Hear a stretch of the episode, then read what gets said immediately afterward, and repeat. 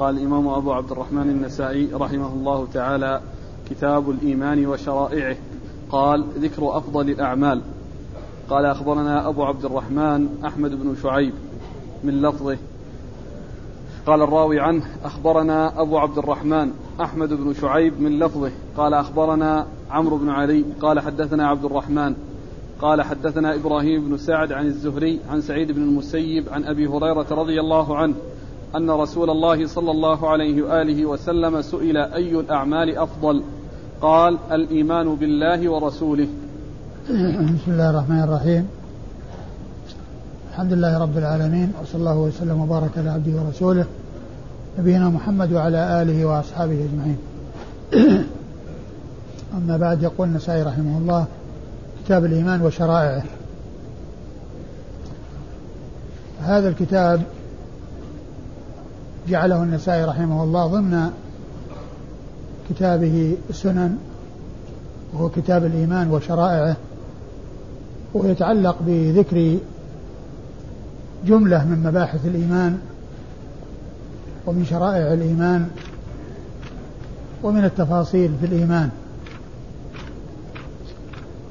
وسبق أن طلب مني أن أخصص درسا في التوحيد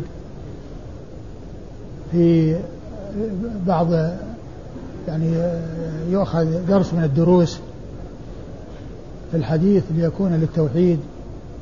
وقلت إن استمرارنا في كتاب الحديث هذا هو الأولى حتى نتمكن من المرور على هذه الكتب التي هي الأصول. والتي هي أمهات في كتب في الحديث وهي الكتب الستة. صحيح البخاري وصحيح مسلم وسنن أبي داود والنسائي والترمذي وابن ماجه. وكون هذا الكتاب يتعلق بالإيمان وهو في العقيدة يمكن أن أتعرض إلى ذكر المباحث المتعلقة بالعقيدة والمتعلقة بالإيمان. ونحن ندرس هذا الكتاب الذي هو كتاب الإيمان وشرائعه. من هذا الكتاب سنن النسائي. يمكن أن أستطرد وأتكلم على بعض المسائل وبعض المباحث المتعلقة بالعقيدة وبالإيمان على وجه الخصوص. وأبدأ بأن أذكر عناية العلماء قديما وحديثا في علم التوحيد وعلم, وعلم الأصول والتأليف في ذلك وتضمين المؤلفات الجامعة العامة كتبا ومباحث في التوحيد وفي العقيدة. ومن ذلك ما فعله النسائي رحمه الله. هنا إذ جعل ضمن كتابه السنن كتابا باسم كتاب الإيمان وشرائعه. وأذكر بالمناسبة كون آه، آه، النسائي بمناسبة كون النسائي ذكر كتاب الإيمان وذكر جملة من مباحثه أذكر جملة من المؤلفات أو أو آه، أمثلة من عناية العلماء المحدثين وغير المحدثين في التأليف في العقيدة والعناية في مباحث العقيدة. فأقول إن العلماء المحدثين أولوا جانب العقيدة عناية تامة واهتماما عظيما وذلك بالتأليف في مباحثها إما على سبيل الاستقلال وإما على سبيل إدخال شيء من مباحث العقيدة ضمن المؤلفات العامة ضمن المؤلفات الجامعة. فمن عنايتهم بالعقيدة وغيرها في الكتب الجامعة مثل هذه الكتب الستة التي هي صحيح البخاري وصحيح مسلم وسنن أبي داود والترمذي والنسائي وابن ماجه. فكل واحد منهم اعتنى بالعقيدة في بعض المباحث والكتب التي اشتمل عليها كتابه الجامع. وأول هؤلاء الستة الإمام البخاري رحمه الله إذ جعل من جملة كتب كتابه الكتب التي اشتمل على عليها كتابه الجامع الصحيح ذكر جملة من مساء من أبواب العقيدة من كتب العقيدة. فأول ما بدأ به بدء الوحي وكيفية الوحي. وذلك أن كل شيء في الأصول والفروع إنما يستقى من الوحي وإنما يستمد من الوحي. فأساس العقيدة وأساس العمل وأساس المعاملات وأساس آه يعني كل شيء في في, في, في الأفعال والأقوال والأعمال إنما ينبني على الوحي. فبدأ بالوحي أو بدء الوحي. ذلك لأن الوحي هو الأساس في العقيدة وغير العقيدة. هو الأساس الذي يعول عليه وهو الذي يرجع إليه وهو الكتاب والسنة. كتاب الله عز وجل وسنة رسوله صلى الله عليه وسلم. لأن الوحي وحيان. وحي متعبد بتلاوته والعمل به ووحي تعبد بالعمل به. وحي تعبد بتلاوته والعمل به هو القرآن. ووحي تعبد بالعمل به وهو السنة سنة الرسول صلى الله عليه وسلم. ثم ذكر بعد ذلك كتاب الإيمان الذي اشتمل على أبواب كثيرة كلها تتعلق بالإيمان. وختم كتابه بكتاب التوحيد وختم كتابه بكتاب التوحيد. وجعل ضمن ضمن الكتب التي بين كتاب الإيمان وكتاب التوحيد كتبا تتعلق بالعقيدة مثل كتاب القدر وكتاب أخبار الأنبياء وكتب أخرى وكتاب الاعتصام بالكتاب والسنة وكل هذه تتعلق بالعقيدة. فإذا الإمام البخاري رحمه الله لما ألف كتابه الجامع الصحيح جعل من ضمن من ضمن كتبه التي اشتمل عليها كتابه كتبا في العقيدة.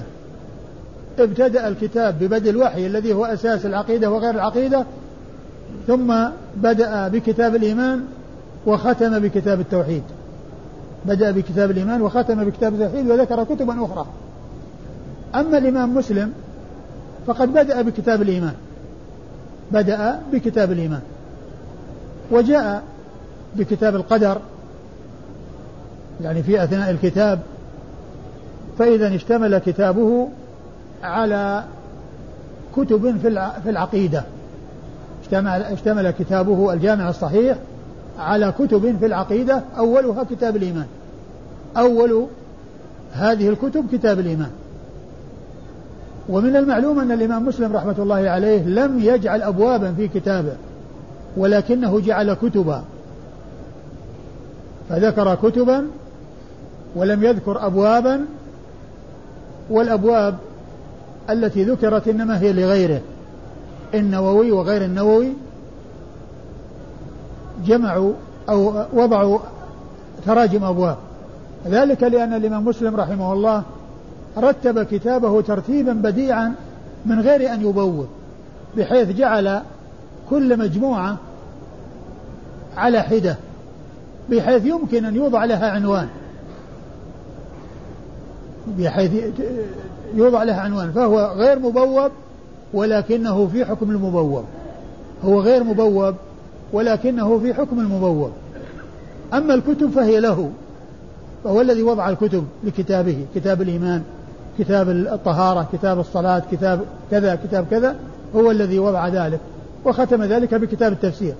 وختم كتبه بكتاب التفسير في آخر الكتاب. أما أبو داود فقد وضع في كتابه السنن كتابا واسعا باسم كتاب السنة باسم كتاب السنة. والمقصود بالسنة ما يقابل البدعة. والمقصود ومقصوده بالسنة في يعني وضعه هذا ما يقابل البدعة. والسنة تطلق أربعة إطلاقات. السنة تطلق أربعة إطلاقات بعضها عام فيها الأعم والذي هو دونه والذي هو دونه وهكذا. فأعم إطلاق للسنة أنها تطلق على كل ما جاء عن النبي صلى الله عليه وسلم من القرآن والسنة. والمراد بالسنة الطريقة والمنهج. ومعلوم أن الرسول صلى الله عليه وسلم طريقته ومنهجه الكتاب والسنة. الكتاب والسنة هي سنة الرسول صلى الله عليه وسلم بالمعنى العام. ومن أمثلة ذلك قول الرسول عليه الصلاة والسلام من رغب عن سنتي فليس مني. من رغب عن سنتي فليس مني. لأن المقصود بالسنة هنا ما يشمل ما جاء به. يشمل كل ما جاء به من الكتاب والسنة. هذه سنة الرسول صلى الله عليه وسلم بالمعنى الأعم سنة الرسول صلى الله عليه وسلم بالمعنى الأعم. كل ما جاء به صلى الله عليه وسلم من الوحي المتلو وغير المتلو. الإطلاق الثاني وهو الذي يليه أن السنة يراد بها الحديث. ما يراد في الحديث. هذا هو المراد بالسنة. بالمعنى الثاني أو الإطلاق الثاني الذي هو أخص من الأول. أخص من الأول. فالسنة يراد بها ما يراد بها الحديث. ولهذا يقولون في تعريف الحديث وتعريف السنة هي ما أضيف إلى النبي صلى الله عليه وسلم من قول أو فعل أو تقرير أو وصف خلقي أو خلقي كل ما أضيف إلى النبي صلى الله عليه وسلم من قول أو فعل أو تقرير أو وصف خلقي أو خلقي هذا هو حديث الرسول صلى الله عليه وسلم وسنة الرسول صلى الله عليه وسلم. ومن أمثلة إطلاق السنة على حديث الرسول صلى الله عليه وسلم ما يأتي كثيرا في كتب الفقه وكتب شروح الحديث. وعند تحقيق المسائل عندما يأتي بعض العلماء لتجميع الأدلة في على المسائل يبدأ الكلام بأن يقول وهذه المسألة دل عليها الكتاب والسنة والإجماع. يعني إذا كانت اجتمعت فيها الأدلة الثلاثة التي هي الكتاب والسنة والإجماع فقال أو يقولون وهذه المسألة دل عليها الكتاب والسنة والإجماع. السنة هنا معطوفة على الكتاب. إذا المراد بها حديث الرسول صلى الله عليه وسلم. المراد بها حديث الرسول صلى الله عليه وسلم عندما تكون معطوفة على الكتاب يراد بها حديث الرسول. ثم بعد ذلك يفصلون. أما الكتاب فقول الله تعالى كذا وأما السنة فقول رسول الله صلى الله عليه وسلم كذا. وأما الإجماع فقد حكى فلان الإجماع وفلان الإجماع على كذا وأن العلماء اتفقوا وأنهم أجمعوا على هذه المسألة وأنهم أجمعوا على هذه المسألة. إذا الإطلاق الثاني للسنة يراد في الحديث وهو ما أضيف إلى النبي صلى الله عليه وسلم من قول أو فعل أو تقرير أو وصف خلقي أو خلق ويأتي لفظ السنة يراد به ما يقابل البدعة. سنة وبدعة سني وبدعي. يعني معناه من كان على سنة ولم يكن على بدعة. وهذا هو الذي أراده أبو داود وغيره ممن ألفوا في السنة على سبيل الاستقلال باسم السنة يريدون بذلك ما يتعلق بالعقيدة والأحاديث المتعلقة بالعقيدة على وفق السنة وخلافا للبدعة. هذا هو الإطلاق الثالث. ومنه قول أبي داود كتاب السنة. في كتابه السنن لأن كتابه السنن من ضمن كتابه السنن كتاب اسم بكتاب السنة. كتاب السنة. وأورد أحاديث تبلغ 150 تقريبا 150 حديثا تقريبا كلها تتعلق بالعقيدة. كلها تتعلق بالعقيدة وهي على وفق السنة ومخالفة للبدعة. على وفق السنة وبخلاف البدعة. الإطلاق الرابع وهو خاص بالفقهاء وهو ما يراد في المندوب وهذا اصطلاح للفقهاء. يجعلون السنة مرادفة للمندوب والمستحب. فإذا جاء في كتب الفقه يسن كذا يستحب كذا يندب كذا يعني معناه أنه ليس بواجب.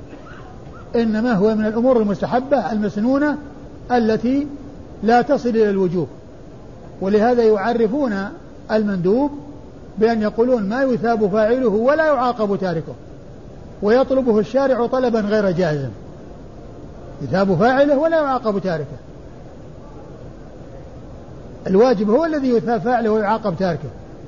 وأما المستحب فمن فعله أجر ومن لم يفعله لا يعاقب. إلا إذا كان تركه رغبة عن السنة وعزوفا عن السنة فهذا يعاقب على قصده السيء وعلى إعراضه عن السنة. أما كونه يعني يحصل منه التهاون بالسنن أو لا يفعل يعني بعض السنن التي هي غير واجبة فهذا هو الذي لا يعاقب عليه ويثاب من فعله.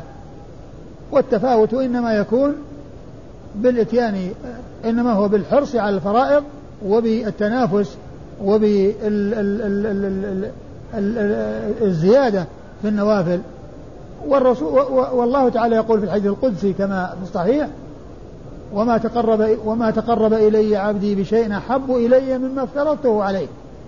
ولا يزال عبدي يتقرب إلي بالنوافل حتى أحبه. فإذا أحببته كنت سمعه الذي يسمع به إلى آخر الحديث. فإذا الأمور المستحب أو السنة تطلق عند الفقهاء فيما يرادف المستحب والمندوب الذي يذهب فاعله ولا يعاقب تاركه ويطلبه الشارع طلبا غير جازم. هذه إطلاقات أربعة للسنة. والذي يناسب ما يتعلق بالعقيدة ومباحث العقيدة تبويب أو, أو, أو ذكر أبي داود رحمه الله الكتاب في سنة في سننه باسم كتاب السنة.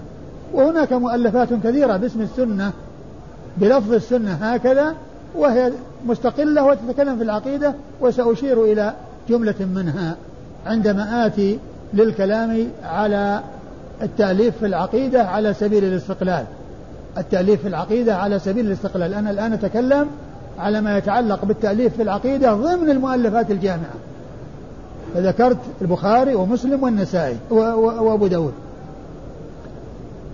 آه النسائي هنا ذكر كتاب الإيمان وشرائعه وهو الذي سندرسه إن شاء الله. كتاب الإيمان وشرائعه. الترمذي ذكر كتاب الإيمان. أتى بكتاب الإيمان في سننه وفي جامعه أو في جامعة. أما ابن ماجه فقد ذكر مقدمة أو ابتدأ كتابه بمقدمة واسعة تشتمل على 266 حديثا كلها تتعلق بالعقيدة في مطلع الكتاب في مقدمة الكتاب قبل كتاب الطهارة. بدأ بمقدمة باتباع الكتاب والسنة وأتى بالمباحث المتعلقة بالعقيدة في أبواب عديدة وفي أحاديث تبلغ 266 حديثا. 266 حديثا في أول كتابه كلها تتعلق بالعقيدة. إذا الذين ألفوا في الكتب الجامعة الذين ألفوا في المباحث العامة وفي وألفوا كتبا جامعة تشمل العقيدة وغير العقيدة جعلوا من ضمن مؤلفاتهم أن اعتنوا بجانب العقيدة فلم يخلوا يخلوا كتبهم من من العقيدة بل أتوا في كتبهم كتبا تتعلق بالعقيدة كما عرفنا هذا بذكر آه، عناية أصحاب الكتب الستة آه، آه، الصحيحان والسنن وكتب السنن الأربعة. أما ما يتعلق بالتأليف في العقيدة على سبيل الاستقلال فقد كثرت المؤلفات في ذلك عند المتقدمين وعند المتأخرين. والمتقدمون كتبهم لها طابع ومؤلفاتهم لها طابع خاص والمتأخرون كتبهم لها طابع خاص.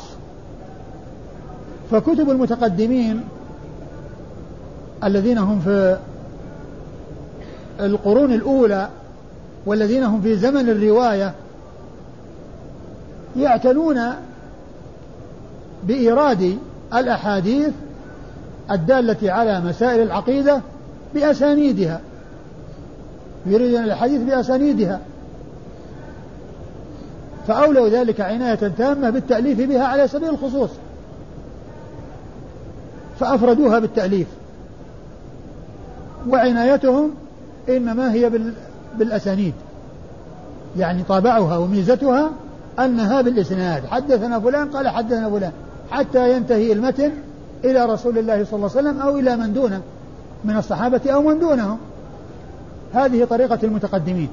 أما طريقة المتأخرين فإنهم يجمعون مسائل العقيدة ويرتبونها وينظمونها وعندما يأتون للمسألة يأتون بآيات من كتاب الله وبأحاديث من سنة رسول الله صلى الله عليه وسلم يعزونها إلى الكتب التي دونت فيها السنة كالصحيحين والسنن الأربعة وغيرها من الكتب التي ألفت على طريقة المتقدمين.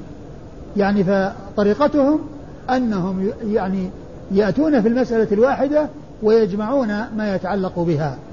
يجمعون ما يتعلق بها من آيات أو كثير من الآيات وكثير من الأحاديث وكثير من الآثار عن السلف وكثير من الآثار عن السلف. فتجدهم يعني يبحثون المسألة من حيث ذكر الأدلة على إثباتها ومن حيث آه، ذكر آه، القرآنية والأحاديث النبوية وأقوال السلف. وكذلك يردون على أهل البدع الذين خالفوا الحق في تلك المسألة. عندما يذكرون المسألة أو المبحث يأتون فيه بالآيات والأحاديث والآثار ويردون على المخالفين. ويبينون فساد أقوال المخالفين أو الذي صار عليه من خالفهم ممن حاد أو ممن لم يوفق للحق يعني في في هذا الباب. فتجد طريقتهم مبنية على تجميع النصوص وترتيبها وتنظيمها وعزوها إلى مصادرها. هذه طريقة المتأخرين. أذكر أمثلة من كتب المتقدمين ومن كتب المتأخرين. أذكر أمثلة من كتب المتقدمين ومن كتب المتأخرين. فالمتقدمون ألفوا مؤلفات في العقيدة على سبيل الاستقلال. وكثير من المؤلفات تجدها متحدة في الاسم ومتفقة في الاسم. فالاسم الواحد يكون في مجموعة من المؤلفات. وتجد يعني بعض المؤلفات لا تشارك في التسمية. يعني الاسم يكون ما تكررت التسمية, التسمية به. وهذه التي جاءت في مجموعات منها كتب باسم السنة. باسم السنة. مؤلفات باسم السنة. يعني ما يخالف البدعة أو الأحاديث المتعلقة بالعقيدة. على وفق السنة. كتب باسم السنة وكتب باسم الإيمان. كتب باسم الإيمان. وكتب باسم الرد على الجهمية. وكتب باسم التوحيد. التوحيد. فهذه مجموعات من الكتب يندرج تحت المجموعة كتب متعددة. أما السنة ففيه السنة للإمام أحمد. السنة لعبد الله بن الإمام أحمد. السنة للطبراني. السنة لمحمد بن نصر المروزي. السنة لابن أبي عاصم. السنة للألكائي. على اختلاف في بعضها باسم السنة يعني زيادة كلمة أو نقص كلمة لكن فيها لفظ السنة. فيها لفظ السنة وكثير منها باسم السنة. بهذه الكلمة وحدها. بهذه الكلمة وحدها. فهذه مجموعة من الكتب كلها في العقيدة و وباسم السنة. أي ما يقابل البدعة. وأما الإيمان أو مجموعة كتب الإيمان ففيه كتاب الإيمان لابن أبي عمر العدني شيخ الإمام مسلم محمد بن يحيى بن أبي عمر العدني له كتاب الإيمان. وابن أبي شيبة له كتاب الإيمان. أبو ابن أبي شيبة له كتاب الإيمان. وأبو عبيد القاسم بن سلام له كتاب الإيمان. وابن مندة له كتاب الإيمان.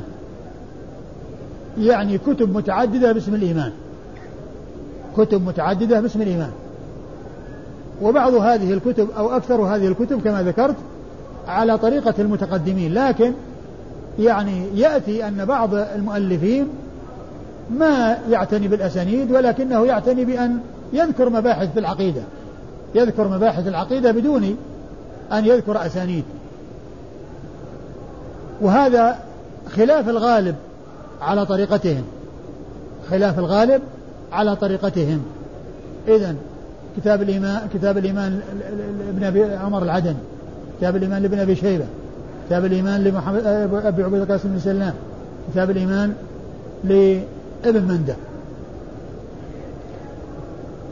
هذا هو الذي يحضرني من هذه من هذه الكتب باسم الإيمان وباسم السنة. هناك كتب باسم الرد على الجهمية. الرد على الجهمية للإمام أحمد. الرد على الجهمية لعثمان بن سعيد الدارمي. الرد على بشر المريسي.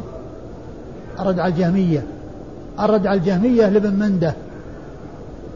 الرد على الجهمية لابن أبي حا... لابن... لابن أبي حاتم. وهذا الكتاب الذي هو كتاب ابن أبي حاتم لا نعرف له وجودا والحافظ ابن حجر في فتح الباري نقل عنه وذكر يعني آه يعني شيئا منه في مواضع من كتاب التوحيد. فهذه كتب باسم الرد على الجمية وهي يتعلق بالعقيدة وهي مجموعة مجموعات بهذا الاسم. وفي كتاب وأما كتاب التوحيد ففي كتاب التوحيد لابن خزيمة وكتاب التوحيد لابن منده باسم كتاب التوحيد. وهناك كتب أخرى ما تكررت التسمية بها. ما تكررت التسمية بها.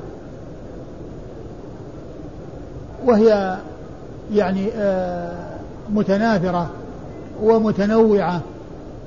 ولكن هذا الذي ذكرته هو الذي هو مجموعات تكررت التسمية بها تكررت التسمية بها.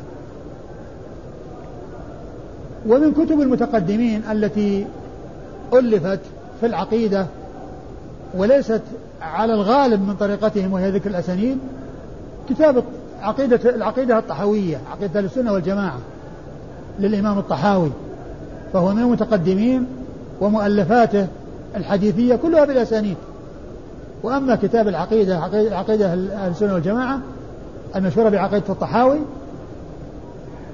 أو العقيدة الطحاوية فإنها بدون أسانيد وهي رؤوس أقلام ورؤوس مسائل أهل السنة يعتقدون كذا ويعتقدون كذا ويعتقدون كذا ويعتقدون كذا ويعتقدون كذا وأن القرآن كلام الله وأن محمدا عبده المصطفى وأن كذا وإن كذا ويأتي بجملة لأن مقصوده حصر أو ذكر مسائل الاعتقاد يعني محصورة حتى تعرف. أما أدلتها وأحاديثها وما يتعلق بها وكلام العلماء عليها فيكون في موضوع آخر. ولهذا جاء شارح الطحاوية وشرح كل جملة من هذه الجمل اللي اشتمل عليها هذا الكتاب اللي هو كتاب الطحاوي بشرح الطحاوية. يقول قوله كذا يأتي له بسطر ولا بنص سطر ثم يأتي له بعدة صفحات. يأتي له بعدة صفحات يشرح فيها هذا السطر أو نصف السطر أو كلمتين فقط أو ثلاث. فكما قلت أن طريقة المحدثين في التأليف اللي على على الأسانيد هي الغالب ويكون عندهم آه، شيء على سبيل آه، حصر المسائل وذكرها موجزة ومختصرة. ومن ذلك مقدمة رسالة ابن أبي زيد القيرواني. مقدمة رسالة ابن أبي زيد القيرواني فإنها رؤوس مسائل. ويرون كذا ويرون كذا وهكذا. هذه كتب من كتب المتقدمين التي هي على التي هي على شكل مجموعات. أما كتب المتأخرين فقد عرفنا طريقتها وأنهم الذين يؤلفون لتوضيح العقيدة وتجميع ما ورد فيها من النصوص والرد على المخالفين ومن أشهر الكتب التي في هذا الموضوع كتب شيخ الإسلام ابن تيمية وتلميذه ابن القيم المؤلفة في العقيدة. شيخ الإسلام ابن تيمية له مؤلفات عديدة في العقيدة وهي على درجات ومتفاوتة في الحجم وفي الموضوع. فمن أشهر كتبه العقيدة الواسطية ومن خير كتبه وأفيدها وأخصرها كتاب عظيم نفيس من أحسن الكتب وأفيد الكتب على اختصاره ووجازته وكتاب التدمرية والحموية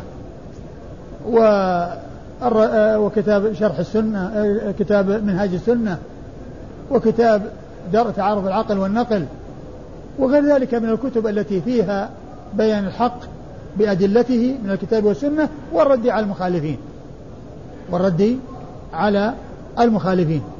وكذلك ابن القيم كتابه الصواعق المرسلة على الجهمية والمعطلة كتاب واسع وكتاب نفيس ولم يوجد إلا نصفه الأول تقريبا وقد طبع أخيرا في عدة مجلدات وهو يعادل النصف الأول تقريبا.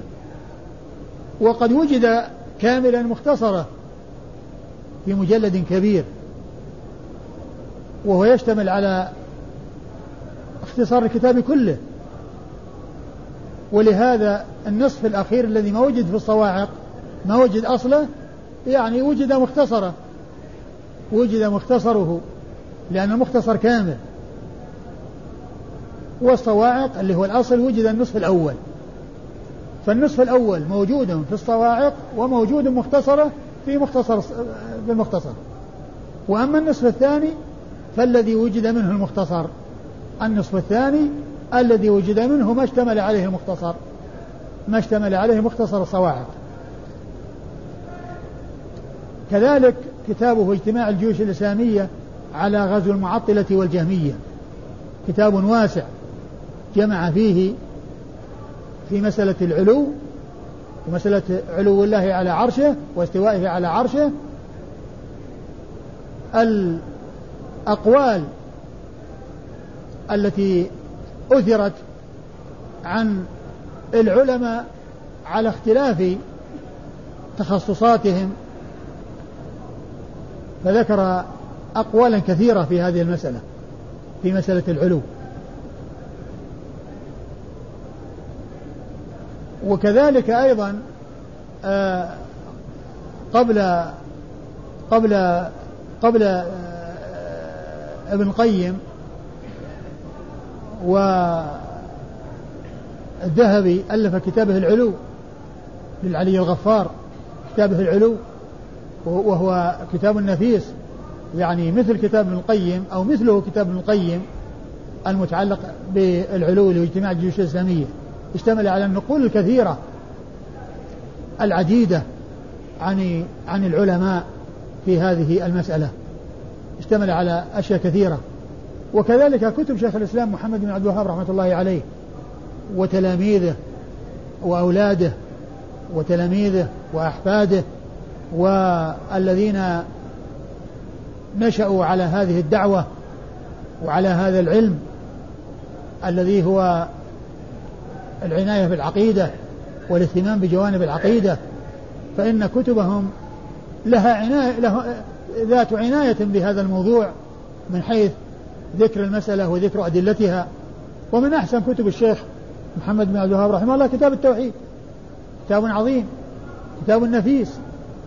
كله آيات وأحاديث وآثار. ليس للشيخ محمد بن عبد الوهاب فيه كلام. إلا في آخر كل باب يذكر مسائل يشير فيها إلى استنباط من الآيات والأحاديث. هذا هو كلام الشيخ. والباقي كله آيات وأحاديث. مثل طريقة البخاري رحمة الله عليه. طريقة البخاري في كتاب التوحيد يذكر آيات وأحاديث وآثار. آيات وأحاديث وآثار. وهكذا الشيخ محمد بن عبد الوهاب رحمة الله عليه. كتابه يشتمل على 66 كتاب 66 باب أو 67 باب. كل باب يشتمل على آيات وأحاديث وآثار. يعني ليس كل باب يعني غالبها. بعض الأبواب يعني ما يكون فيها الجمع بين هذه الأمور الثلاثة. ولكن كلها على هذا النحو وعلى هذه الطريقة. يعني منها على طريقة آه، البخاري وغير البخاري ممن كانت عنايتهم بالآيات والأحاديث والآثار عن السلف. فكتابه هذا كتاب نفيس كتاب عظيم وقد شرح عدة شروح. يعني لبعض يعني بعض أحفاده. شرحها الشيخ عبد الرحمن بن حسن في كتاب فتح المجيد وشرحه قبله سليمان بن عبد الله حفيده في تيسير العزيز الحميد. وعليه شروح عديدة في الق... بعد زمنه بقليل وبعد ذلك إلى زماننا هذا. فهو كتاب نفيس وكتاب عظيم ولا يستغني عنه طالب علم. وكذلك له في العقيدة كتاب يعتبر كتاب الخاصة والعامة كتاب الخواص والعوام كتاب الأصول الثلاثة. الأصول الثلاثة وأدلتها. الأصول الثلاثة هي معرفة العبد ربه ودينه ونبيه. معرفة العبد ربه ودينه ونبيه. يعني الأمور الثلاثة التي قال فيها رسول الله صلى الله عليه وسلم ذاق طعم الإيمان من رضي بالله ربا وبال وبالإسلام دينا وبمحمد صلى الله عليه وسلم رسولا. فالأصول الثلاثة هي تتعلق بهذه الأمور الثلاثة وبهذه الأصول الثلاثة التي هي معرفة العبد ربه ودينه ونبيه محمد صلى الله عليه وسلم. هذا كتاب عظيم وكتاب نفيس وكتاب الخاصة والعامة. كتاب لا يستغني عنه أحد لا من خاصة الناس ولا من عامتهم لأنه كتاب في في آه، أصول العقيدة وفي آه، أمور لا بد منها ولا يستغني عنه أحد من الناس لا خواصهم ولا عوامهم لأنه شيء مختصر و يعني يهم الجميع أو يتطلب يعني من الجميع أن يكون على علم به وعلى معرفة به. يعني جميع الناس وخاصة الناس وعامة الناس لأنه كتاب لا يستغنى عنه وهو كتاب الخاصة والعامة. وكذلك له المؤلفات المختلفة الأخرى وكذلك المؤلفات لتلاميذه وأحفاده ومن جاء بعد آه، زمنه آه، سالكا هذا المسلك الذي هو العناية بالعقيدة على مذهب أهل السنة والجماعة وعلى وفق الدليل وعلى وفق ما جاء في كتاب الله عز وجل وسنة رسوله صلى الله عليه وسلم. إذا هذه بعض الكتب التي ألفت في العقيدة على طريقة المتأخرين التي هي جم تجميع مسائل العقيدة وتجميع أدلتها وترتيبها وتنظيمها والرد على المخالفين وتنظيمها وترتيبها والرد على المخالفين. هذا شيء مما يتعلق بعناية أهل السنة أو عناية العلماء قديما وحديثا في مسائل العقيدة وفي مباحث العقيدة في التأليف على سبيل على سبيل آه، آه، المؤلفات الجامعة التي تضمن كتبا تتعلق في العقيدة وعلى سبيل التأليف المستقل في مسائل آه، تتعلق بالعقيدة وعلى طريقة المتقدمين وعلى طريقة المتأخرين. بعد هذا نرجع إلى الحديث الذي يعني بدأنا به وهو حديث ترجمة؟ ترجمة الباب؟ الإيمان وشرائعه. لا يعني بعده. ذكر أفضل الأعمال. ذكر أفضل الأعمال. ذكر أفضل الأعمال.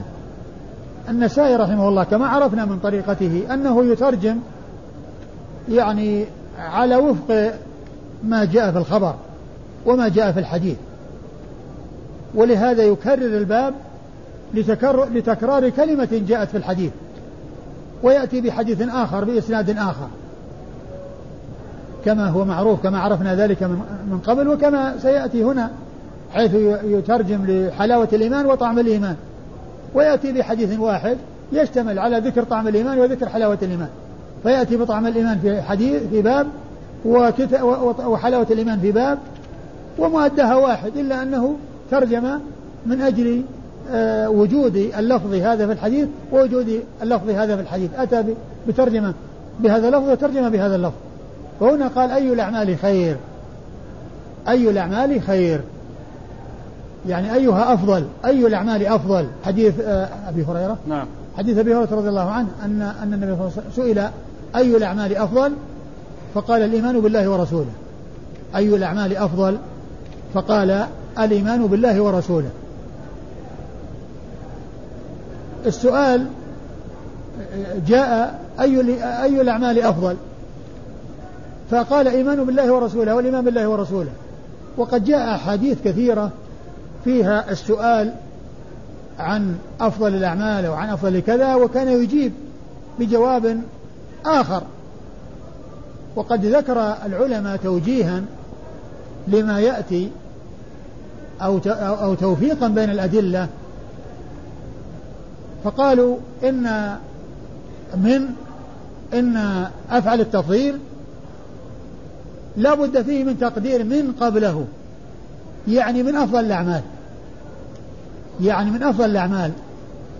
يعني حتى تكون ال ال ال الأجوبة التي جاءت كلها لمثل هذا السؤال متفقة في أنها كلها من أفضل الأعمال. كلها من أفضل الأعمال. لكن كما هو معلوم بعضها أفضل من بعض. لكن هذا هذه الصيغة وهذا التفضيل يعني يكون يقدر فيه من بعض العلماء قال يقدر فيه من قالوا وما يدل على حصول تقدير من وأنه يعني قد يكون لا بد منها في بعض الأحيان. قوله صلى الله عليه وسلم خيركم خيركم لأهله. خيركم خيركم لأهله. ومن المعلوم أن هذه الخيرية خاصة لأن كلا فيما يتعلق يتعلق بأهله. وليس خير الناس وإنما هو الخير بالنسبة للأهل. يعني فإذا آه، قالوا إن من يحتاج إلى تقديرها حتى يكون ذلك يعني آه، يجمع بين الأجوبة المختلفة التي جاءت وهي متنوعة. ومثل ذلك يعني قضية ما يقابل ذلك مثل الظلم ومن أظلم ممن فعل كذا يعني فيما يتعلق آه، في الشر وفي كذا يعني أن أن هذه كلها من من أظلم من أشد الأشياء ومن أسوأها. كما أن هذه من خير الأعمال فتلك من أسوأ الأعمال وأقبح الأعمال. فتكون أو يكون يعني ذلك يعني أن من تقدر. يعني هذا من أسوأ الأعمال وهذا من خير الأعمال أو هذا من أفضل الأعمال. وبعض أهل العلم قال إن الرسول صلى الله عليه وسلم سأله أشخاص متعددون وكل يجيبه على ما يناسب حاله. يعني كل يجيبه على ما يناسب حاله وعلى ما يرى أنه يفيد فيه. مثل ما كان يبايع الناس عليه الصلاة والسلام. كان يبايعهم ولكن يخص بعضهم بشيء. يعني إذا كان يعني أحد يعني له له قدرة على شيء وله تمكن في شيء يعني أضاف إليه يعني شيئا. يعني فيما يتعلق ب فيما يبايع عليه مثل ما بايع جرير بن عبد الله البجلي وكان كبيرا في قومه وزعيما في قومه ومقدما في قومه على السمع والطاعة والنصح لكل مسلم. أتى بكلمة والنصح لكل مسلم. لأن مثله إذا نصح ومثله إذا بذل جهده في نفع الناس يترتب عليه خير كثير ويترتب عليه فوائد كثيرة ومنافع عظيمة. فعلى هذا يعني قالوا أن هذا الجواب يعني روعي فيه الأشخاص وروعي فيه الأحوال وأن هذا يستطيع كذا وأن هذا يعني يتمكن من كذا وهذا يتمكن من كذا وهكذا. الرسول صلى الله عليه وسلم سئل أي الأعمال أفضل؟ فقال إيمان بالله ورسوله. وهذا هو الأساس. ولهذا قالوا إن هذا الجواب الذي هو الإيمان بالله ورسوله هو أفضل الأعمال. أفضل شيء وأهم شيء هو الإيمان بالله ورسوله لأن الباقي تابع له. ولهذا يأتي يعني كما جاء في بعض الأحاديث سئل عن شيء وراء ذلك قال جهاد في سبيل الله قال ثم ماذا؟ قال حج مبرور يعني بعد الإيمان بالله ورسوله. بعد الإيمان بالله ورسوله. فإذا الإيمان بالله ورسوله هو الأساس وهو أهم من غيره وغيره تابع له. وهو ليس تابعا لغيره بل غيره تابع له. مثل أركان الإسلام الخمسة. أولها الشهادتان. فهي أساس أصل في نفسها وأساس لبقية الأركان. لأن بقية الأركان كلها تابعة لها. تابعة لها. ولا تفيد الأركان مع عدم وجود الركن الأول. الذي هو الركن الركين وهو الشهادتان. فهما أصل في نفسهما وأصل لغيرهما. وكذلك الإيمان بالله ورسوله هو يعني أصل في نفسه وهو أساس لغيره وهو أساس لغيره ولهذا يكون هو أفضل أفضل أفضل الأعمال الإيمان بالله ورسوله. وهذا فيه يعني تسمية العمل أو تسمية العمل إيمانا وإطلاق يعني الإيمان على العمل.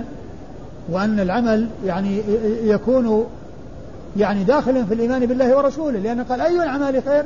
أو أفضل قال إيمان بالله ورسوله. ومن المعلوم أن الأعمال أعمال القلوب وأعمال الجوارح.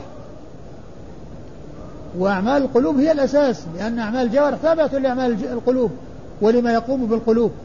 كما جاء عن بعض السلف ليس الإيمان بالتحلي ولا بالتمني ولكنه ما وقر في القلوب وصدقت الأعمال. ومن المعلوم أن الحب والبغض وما إلى ذلك من أعمال القلوب والجوارح تتبع ما يقوم في ما يقوم في القلب. ولهذا جاء في حديث النعمان بن بشير أن النبي صلى الله عليه وسلم قال إن الحلال بين والحرام بين وبينهما أمور مشتبهات لا يعلمون كثير من الناس فمن اتقى الشبهات فقد استبرأ لدينه وعرضه ومن وقع في الشبهات وقع في الحرام كالرأي يرى حول الحمى يوشك أن, أن, أن يقع يرتع فيه ألا وإن لكل ملك حمى ألا وإن حمى الله محارمه ثم قال ألا وإن في الجسد مضغة. إذا صلح صلح الجسد كله وإذا فسدت فسد الجسد كله ألا وهي القلب. ألا وهي القلب. فهذا يدلنا على عظم شأن الإيمان بالله ورسوله. ومن المعلوم أن الإيمان بالله ورسوله يعني هو أساس لجميع الأعمال وأساس لكل شيء وهو أصل في نفسه وأساس لغيره ولهذا يعني بين رسول الله صلى الله عليه وسلم في هذا الجواب عندما سئل هذا السؤال بأن أفضل شيء هو الإيمان بالله ورسوله وأن أفضل الأعمال الإيمان بالله ورسوله. صلوات الله وسلامه وبركاته عليه. نعم. نشهد. قال الراوي أخبرنا أبو عبد الرحمن أحمد بن شعيب بن قال الراوي يعني الذي هو أبو بكر بن السني الذي هو راوي السنن بهذه الرواية التي بين أيدينا قال أخبرنا نعم أبو عبد الرحمن. أبو بكر بن عبد أبو أبو عبد الرحمن أحمد بن شعيب النسائي من لفظه. نعم قال, قال أخبرنا عمرو بن شعيب قال عم قال عمرو, عمرو بن منصور. قال عمرو بن علي. عمرو بن علي نعم. نعم قال أخبرنا عمرو بن علي النسائي. وعمرو بن علي هو الفلاس ثقة أخرج حديث أصحاب الكتب الستة بل هو شيخ لأصحاب الكتب الستة. عبد الرحمن. عن عبد الرحمن بن مهدي البصري وهو ثقة أخرج له أصحاب الكتب الستة. عن إبراهيم بن سعد. عن إبراهيم بن سعد بن عبد الرحمن بن عوف وهو ثقة أخرج له أصحاب الكتب الستة. عن الزهري. عن الزهري محمد بن مسلم بن عبيد الله بن شهاب الزهري ثقة فقيه أخرج له أصحاب الكتب الستة. عن سعيد بن المسيب. عن سعيد بن المسيب وهو ثقة فقيه من فقهاء المدينة السبعة في عصر التابعين وهم آه سعيد المسيب وعبيد الله بن عبد الله بن عتبة بن مسعود وخارجة بن زيد بن ثابت وعروة بن الزبير بن العوام والقاسم بن محمد بن أبي بكر الصديق وسليمان بن يسار. هؤلاء ستة متفق على عدهم والسابع في ثلاث أقوال. قيل أبو سلمة بن عبد الرحمن بن عوف وقيل أبو بكر بن عبد الرحمن بن الحارث بن هشام وقيل سالم بن عبد الله بن عمر. عن أبي هريرة عبد الرحمن بن صخر الدوسي صاحب رسول الله صلى الله عليه وسلم صلى الله عليه وسلم وأكثر الصحابة حديثا على الإطلاق. رضي الله تعالى عنه وأرضاه والسبعة الذين عرفوا بكثرة الحديث عن النبي صلى الله عليه وسلم هم أبو هريرة وابن عمر وابن عباس وأبو سعيد وأنس وجابر وأم المؤمنين عائشة ستة رجال وامرأة واحدة. نعم. أحسن الله إليكم. الإمام النسائي يقول كتاب الإيمان وشرائعه. نعم. فهل عرفتم لنا الإيمان؟ الإيمان أنا إن شاء الله سأتكلم عليه يعني في أتكلم عليه وعلى الفرق بينه وبين الإسلام. شرائعه. في درس قادم. والشرائع هي شرائع هي ال يعني ال الأشياء التي آه، هي جزئياته والتي هي داخلة فيه مثل اتباع الجنازة من الإيمان وأداء الخمس من الإيمان وأداء الصلاة من الإيمان وكذا. هذه من من شرائع الإيمان. ولهذا هو أورد شيئا كثيرا من هذا. ذكرتم في الكتب الرد على الجهمية الرد على الجهمية المعطلة. نعم. فهل عرفتم؟ مش عارف الجهمية. الجهمية كما هو معلوم هم الذين ينفون الصفات ويعطلون أسماء الله وصفاته. و يؤول أمرهم إلى نفي المعبود وأنه لا وجود له لأن نفي الصفات وكونه الموصوف خاليا من الصفات يكون لا وجود له. نتيجة لا وجود له. ولهذا التعطيل هو الخلو. التعطيل هو الخلو. فعطلوا يعني أخلوا الله من الصفات. جعلوا الله تعالى لا صفة له. وإذا نفيت الصفات فإن الذات لا وجود لها. لأن وجود ذات مجردة من جميع الصفات هذه لا وجود لها. ولهذا قال بعض أهل العلم قاله ابن القيم قال إن المعطل يعبد صن يعبد عدما. المعطل يعبد عدما يعني لا وجود لمعبوده. والمشبه يعبد صنما. لأن كونه يعني الله عز وجل آه، وجه له وجه كوجوهنا ويد كأيدينا هو المشبهة تعالى الله عن ذلك علوا كثيرا يعني هذا ليس هو الله. فالمعطل يعبد عدما والمشبه يعبد صنما. ويوضح هذا أن وقد سبق أن ذكرت ذلك أن أبا عمر بن عبد البر النمري حافظ المغرب في زمانه وفي كتاب التمهيد ذكر أن المعطلة يصفون المثبتة بأنهم مشبهة لأنهم لا يتصورون إثبات الصفات إلا مع التشبيه. وقد ذكرنا مرارا وتكرارا أن أن هناك فرق بين الإثبات مع التنزيه والإثبات مع التشبيه. فالإثبات مع التنزيه هو الحق الذي لا ريب فيه والإثبات مع التشبيه هو الباطل الذي لا شك فيه. والذي يجمع بين الإثبات والتنزيه مثل قول الله عز وجل ليس كمثله شيء وهو السميع البصير. ليس كمثله شيء وهو السميع البصير. فله سمع لا كالأسماع وبصر لا كالأبصار وهكذا جميع الصفات يقال فيها ما يقال في غيرها. من السمع والبصر وغير ذلك. له سمع لا كالأسماع ووجه لا كالوجوه وبصر لا كالأبصار ويد لا كالأيدي على حد قول الله عز وجل ليس كمثله شيء وهو السمع البصير. فهناك إثبات مع تنزيه وهو الحق وإثبات مع تشبيه وهو الباطل. المعطلة فروا من التشبيه تصوروا أنه لا إثبات إلا بالتشبيه الوجودات ففروا منه وشبهوا بالمعدومات وقعوا في تشبيه أسوأ. تخيلوا تشبيها سيئا وهو التشبيه بالموجودات ففروا منه ووقعوا في تشبيه أسوأ منه وهو التشبيه بالمعدومات. حتى صار الله عندهم يعني يشبه العدم بل هو عدم. يوضح هذا أن ابن عبد البر لما ذكر قول الذين قالوا عن المثبتة بأنهم مشبهة لأنهم ما تصوروا إثبات إلا مع التشبيه والحق إثبات مع التنزيه؟ قال وهم أي المعطلة عند من أقر بها نافون للمعبود.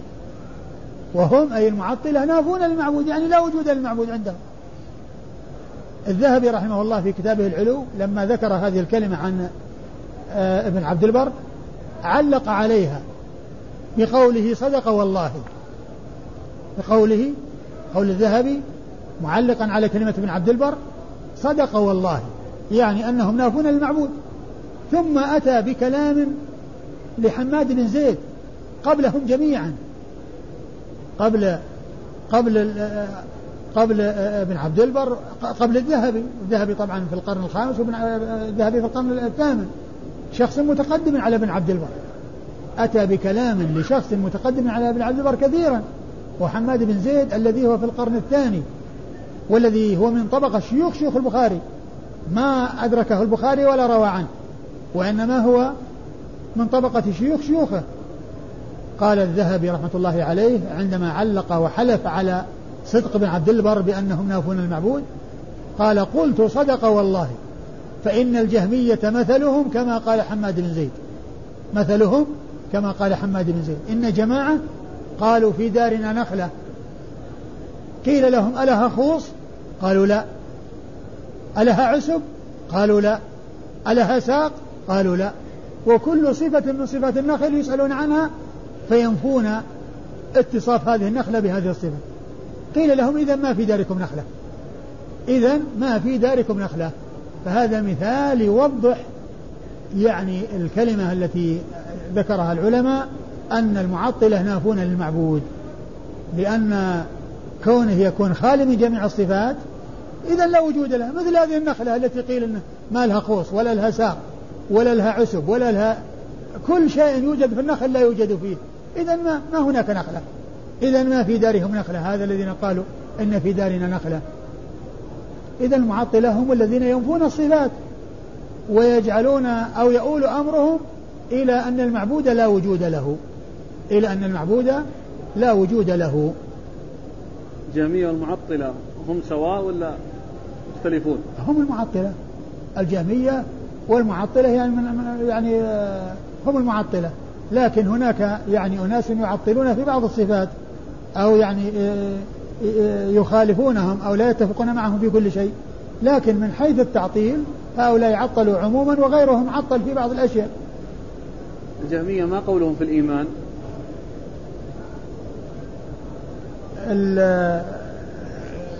عندما نأتي إن شاء الله للكلام على الإيمان وتعريفه والمراد به يعني نذكر يعني ما يتعلق بذلك. قال أخبرنا هارون بن عبد الله قال حدثنا حجاج عن ابن جريج قال حدثنا عثمان بن أبي سليمان عن علي الأزدي عن عبيد الله بن عمير عن عبد الله بن حبشي الخثعمي. حدثنا إيش؟ حدثنا؟ الصواب أنه بضم المهملة لا لا لا قبله قبله من هو؟ لا عبيد الله بن عمير؟ قبله عن عثمان. أيوة عثمان. ابن أبي سليمان. أيوة. عن علي الأزدي. أيوة. عن عبيد الله بن عمير عن عبد الله بن حبشي الخثعمي أن النبي صلى الله عليه وآله وسلم سئل أي الأعمال أفضل؟ فقال إيمان لا شك فيه. ولا وجهاد لا غلول فيه وحجة مبرورة. ثم ورد النسائي حديث عبد الله بن حبشي. حديث عبد الله بن حبشي الخثعمي رضي الله تعالى عنه أن النبي صلى الله عليه وسلم سئل أي أي نعم. الأعمال أفضل؟ أي الأعمال أفضل؟ أي الأعمال أفضل؟ يعني نفس الترجمة. أي الأعمال أفضل؟ فقال إيمان لا شك فيه وجهاد لا غلول فيه و وحجة مبرورة. وحجة مبرورة. هذه هذا هذا الحديث ذكر الأصل الذي هو الإيمان الذي لا شك فيه.